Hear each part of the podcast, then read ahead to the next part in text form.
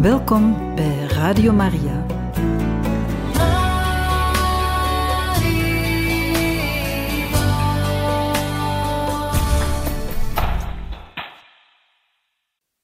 Van harte welkom, beste luisteraars van Radio Maria, bij het programma Catechismus.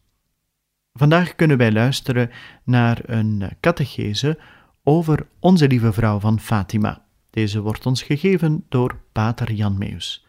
We laten hem graag aan het woord.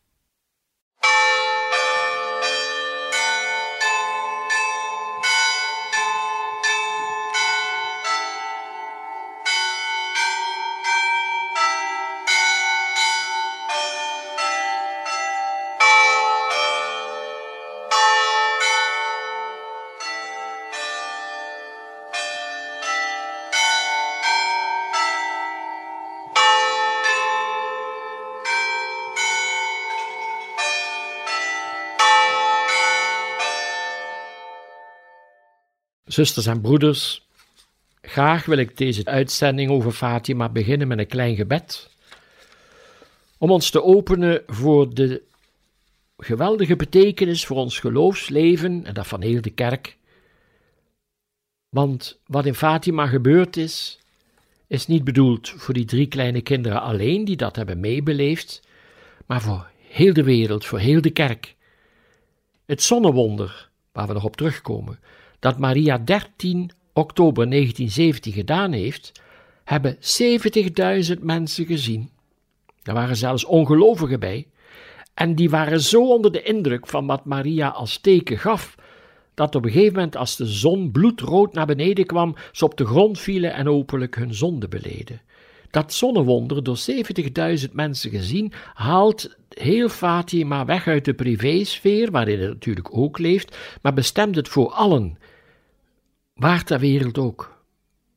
Moeder Maria, wij danken u dat ge onder het kruis aanvaard hebt toen Jezus gezegd had: Zie daar uw zoon, en tegen Johannes: Zie daar uw moeder, dat u aanvaard hebt onze moeder te worden. Terwijl ook door onze zonde, onze onverschilligheid, soms onze geestelijke luiheid, ook wij u verdriet gedaan hebben. Zoals de oude Simeon in de tempel zei: toen ge met Sint Jozef uw kind Jezus opdroeg aan de Vader, en zwaard zal ook uw ziel doorboren. Moeder, behandel ons als uw kinderen, onderricht ons, laat ons de diepe betekenis proeven en smaken en beleven van wat wij nu te horen krijgen in verband met uw eerste verschijning in Fatima. En vooral die ook van de engel, want hij heeft uw komst voorbereid door het jaar voor 1917 drie keer aan die kinderen te verschijnen. En door zijn invloed op hun harten, op hun zielen, op heel een persoontje, had gij makkelijker toegang met uw bijzondere hemelse opdracht voor deze drie. Moeder, wij bidden, open ons hart, opdat wij ook echt kunnen leven van waar het hier eigenlijk om gaat. Wees gegroet, Maria, vol van genade. De Heer is met u. Gezegend zijt gij boven alle vrouwen, en gezegend is de vrucht van uw lichaam, Jezus. Heilige Maria, Moeder Gods, bid voor ons, arme zondaars, nu en in het uur van onze dood. Amen. Zusters en broeders, in verband met de verschijning van de engel, daar hangt een beetje geheimzinnigheid over, en dat komt omdat de kinderen daar oorspronkelijk niet over hebben gesproken. Wat ze beleefden, wat hen overkwam tijdens die drie verschijningen van de engelen 1916, was zo intens dat ze aanvoelden dat ze dat in hun hart moesten bewaren. En nu lees ik u voor, wat in het Nederlands vertaald is, wat zuster Lucia zelf, daartoe gevraagd, uitgenodigd door haar bisschop, heeft opgeschreven over deze verschijningen. En dat is dus, het woordje ik is dus zuster Lucia. Voor zover ik het ongeveer kan schatten, lijkt me dat het in 1915 was dat de eerste verschijning plaatsvond van wat ik houd voor de engel, die zich toen der tijd nog niet volledig bekend wilde maken. Afgaande op het seizoen, denk ik dat ze plaatsvonden in de maanden april tot augustus. Op de helling van de heuvel aan de zuidkant zag ik met mijn vriendinnetjes Teresa Matthias, haar zusje Maria Rosa Matthias en Maria Justina uit het gehucht Casavella tijdens het bidden van de rozenkrans dat er boven de bomen van het dal, dat zich aan onze voeten uitstrekte, iets zweefde als een wolk, witter dan sneeuw, enigszins doorzichtig, met de vorm van een mens. Mijn vriendinnetjes vroegen wat dat was. Ik zei dat ik het niet wist. Op verschillende dagen gebeurde dat nog twee keer. Die verschijning liet in mijn geest een indruk achter die ik niet verder kan omschrijven. Langzamerhand vervaagde die indruk, en ik geloof dat die, zonder de feiten die daarop volgden, met der tijd helemaal zou zijn uitgewist. De data kan ik niet precies aangeven, want in die tijd kon ik de jaren, de maanden en zelfs niet de dagen van de week opzeggen. Het lijkt me, intussen, dat het in de lente van 1916 was dat de engel voor de eerste keer verscheen in de Lappa do Capesu. In het geschrift over Jacinta heb ik al gezegd dat we de helling opliepen op zoek naar een schuilplaats, en dat we nadat we onze boterhammen hadden opgegeten en gebeden hadden, op zekere afstand boven de bomen in oostelijke richting een licht begonnen waar te nemen, dat blanker was dan sneeuw en de vorm had van een jonge man, doorzichtig, schitterender dan een kristal waar de stralen van de zon doorheen flonkelen. Naarmate hij dichterbij kwam, konden wij de vormen van zijn lichaam onderscheiden. We stonden versteld en min of meer perplex. We zeiden geen woord. Toen hij bij ons kwam, zei hij: Wees maar niet bang. Ik ben de engel van de vrede. Bid met mij. Hij knielde diep neer en boog daarbij zijn hoofd tot op de grond. Gedreven door een bovennatuurlijke kracht deden we hem na en zeiden de woorden na die we hem hoorden spreken, namelijk: Mijn God, ik geloof in u, ik aanbid u, ik hoop op u, ik bemin u. Ik vraag u vergiffenis voor hen die niet geloven, u niet aanbidden, niet op u hopen en niet van u houden. Nadat hij dat drie keer herhaald had, kwam hij overeind en zei: Zo moeten jullie bidden. De harten van Jezus en Maria luisteren naar de stem van jullie smeekbeden. Toen verdween hij. De sfeer van het bovennatuurlijke die om ons zweefde, was zo intens dat we ons er een hele tijd niet van bewust waren dat we nog leefden, terwijl we in de houding bleven waarin Hij ons had achtergelaten en telkens hetzelfde gebed opzegden. De tegenwoordigheid van God was zo intens en inwendig tussen ons dat we zelfs niet met elkaar durfden praten. De volgende dag voelden we onze geest nog steeds gehuld in die sfeer die slechts langzaam verdween. Met betrekking tot die verschijning dacht niemand eraan erover te spreken, of ook maar af te spreken dat het geheim zou blijven. Dit drong zich vanzelf op. Het was zo intiem dat het niet makkelijk was er een enkel woord over te uiten. Misschien maakte de verschijning ook zo'n diepe indruk omdat het de eerste was die zo duidelijk was.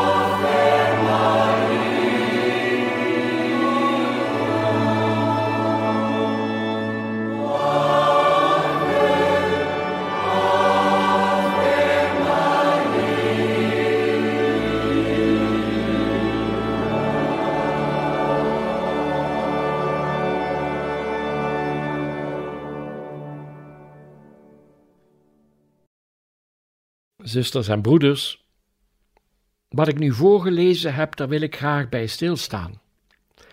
Want hier gebeurt ontzettend veel.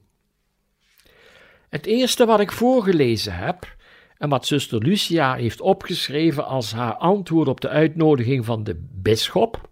De bisschop had dus gezegd: Zuster, schrijf de geschiedenis van de engel en van onze lieve vrouw, want, mijn beste zuster, het is voor de glorie van God en onze lieve vrouw. En dan schrijft ze eerst over 1915. Daar hebben ze dus een engel gezien, Lucia met enkele vriendinnen, dus dat was niet met Francesco Jacinta. Die waren er toen nog niet bij. En dat heeft een indruk gemaakt, want dat was totaal nieuw. U moet u voorstellen, Lucia was toen acht jaar. Ja, en je ziet dan iets waarvan je afvraagt: wat is dat? Het overrompelt je als kind. Maar tegelijkertijd maakt het ook een overweldigende indruk, want als kind laat je je pakken door iets wat verwondering wekt. En toch, zegt zuster Lucia, wanneer ze beschrijft over die drie verschijningen in 1916, waar Francesco en Jacinta bij zijn, ja, ik weet niet wat voor een indruk die eerste verschijningen in 1915 gemaakt hebben, en waren er geen verschijningen in 1916 geweest van die engelen, was dat misschien helemaal uit mijn geheugen verdwenen. Het was dus bijna een soort voorbereiding, met enige afstand en voorzichtig, op de drie verschijningen waar de engel hen echt ging ontmoeten, wat in 1915 niet gebeurd was. Hij kwam dichterbij en ze hebben die gezien en ik kwam een aantal keren terug, zodat ze konden wennen aan het zien van een wezen dat ze eigenlijk nog niet kenden, maar dat toch al een bepaalde manier als kinderen, Lucia en haar vriendinnen, vertrouwd mee konden worden. En dit vind ik zo mooi. De hemel respecteert degene met wie God iets wil doen, zo dat die stapje voor stapje, zonder te faceren, mensen voorbereidt, in dit geval kinderen, om het grote wat gaat gebeuren aan te kunnen. Dat dat er niet overvalt, dat dat geen shock-effect geeft. Dit is zo meesterlijk, dit is goddelijke opvoedkunde, of mag ik het noemen goddelijke pedagogie. Heel stilletjes, die engel komt een aantal keren terug. En ze zien hem. En ze zien hem weer. En ze zien hem nog eens. En toch, zegt Lucia achteraf, hadden we in 1916 niet drie keer de engel ontmoet, omdat die eerste verschijningen zo tactvol waren en voorzichtig en in die zin ook wat afstandelijk, dan zou ik dat helemaal uit mijn geheugen verloren hebben. Maar ik vind het een hele fijn gevoelige vorm van inlevingsvermogen van God, die wist, Lucia kan dit alleen maar aan. En volgend jaar, 1916, komt dan de verschijning van de engel en die kan een stapje verder gaan, die kan ze aanspreken, die kan ze gebed leren, die kan ze ook binnenhalen in de tegenwoordigheid van God, zoals we dadelijk horen. Is toch wel wonderlijk. Het is goed om daarbij stil te staan. Zuster Lucia schrijft dat ze dus zo jong was in 1916 dat ze nog niet de dagen van de maanden en de jaren kenden en ook niet wist welke dag van de week het was en dat ze gezien de bloemen die er waren en, en het weer denkt dat het in de lente van 1916 was dat ze die engel voor de eerste keer hebben ontmoet in Lapa do. En Capesu, dat is een soort heuvel waar ook rotsen zijn. En het regende en ze gingen in zo'n grot binnen om te schuilen. En terwijl ze daar zitten en een boterhammen opeten en bidden, zoals ze beschrijft, zien ze, ik gebruik hier weer de woorden van Lucia, op zekere afstand boven de bomen in oostelijke richting een licht. Dat beginnen ze te zien, dat blanker is dan sneeuw en de vorm heeft van een jonge man.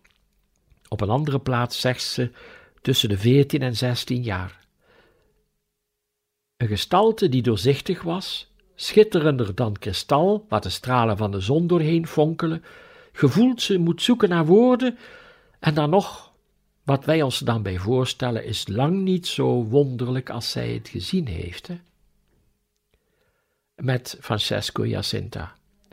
Naarmate hij dichterbij kwam, konden we de vormen van zijn lichaam onderscheiden, We stonden versteld en min of meer perplex. We zeiden geen woord.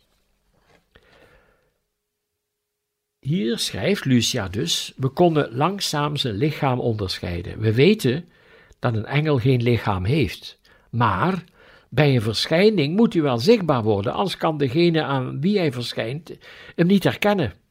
Zo zal het ook geweest zijn met de aartsengel Gabriel, die aan Maria verscheen, en de engel die Sint Jozef in een droom verschillende keren met een boodschap kreeg in verband met Maria en haar goddelijk kind. Een engel neemt de gedaante aan, waardoor hij gezien kan worden. Ook in dat wonderlijk boek van Pater Pio, dat heet Stuur me je engelbewaarder, daar zien we ook dat Pater Pio vanuit zijn kinderjaren ook zijn engelbewaarder zag in de gedaante van een kind. Een engel moet de gedaante aannemen om de persoon die hij moet ontmoeten in opdracht van God er ook vertrouwd mee te maken. En dat gebeurt ook in Fatima. Als die engel komt, zien ze een prachtige, lichtende gestalte van een jonge man van 14, 16 jaar. En ze zijn al een beetje voorbereid door die verschijningen van het jaar tevoren, die niet tot bij hen kwam en niet tot hen gesproken heeft. En die engel begint dan te spreken, want je bent totaal, dat schrijft het ook, hè, onder de indruk. Lucia schrijft, we stonden versteld en perplex. We zeiden geen woord. En de engel verbreekt dan dat moment, dat ze als het ware vastzitten van verbazing. Wees maar niet bang. Ik ben de engel van de vrede. Bid met mij. En belangrijk is het, broeders en zusters, wij die zo dikwijls van mensen woorden hebben gehoord die hol waren, of schone schijn, of bedrog, of leugen, dat we beseffen als een hemels wezen spreekt, dat die woorden geladen zijn met liefde, met zegening, met licht. Er worden nooit holle woorden gesproken door de engel, of door ons lieve vrouw, of door Jezus, of door welke heilige dan ook. Als die engel zegt, wees maar niet bang, dan ontvangen ze ook in een hart wat ze nodig hebben aan genade en zegening, waardoor er geen greintje angst meer over kan blijven. Ik ben de engel van de vrede, zegt die engel.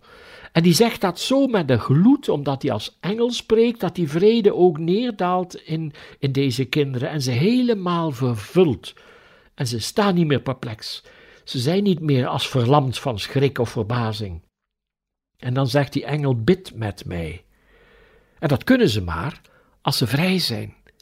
Dus die wonderlijke woorden, wees maar niet bang, ik ben de engel van de vrede, bid met mij, daar ligt zoveel zegen en genade en liefde in dat ze kunnen bidden, dat ze kunnen meedoen, dat ze niet meer verlamd zijn van vrezen des Heren of wat het ook kan zijn.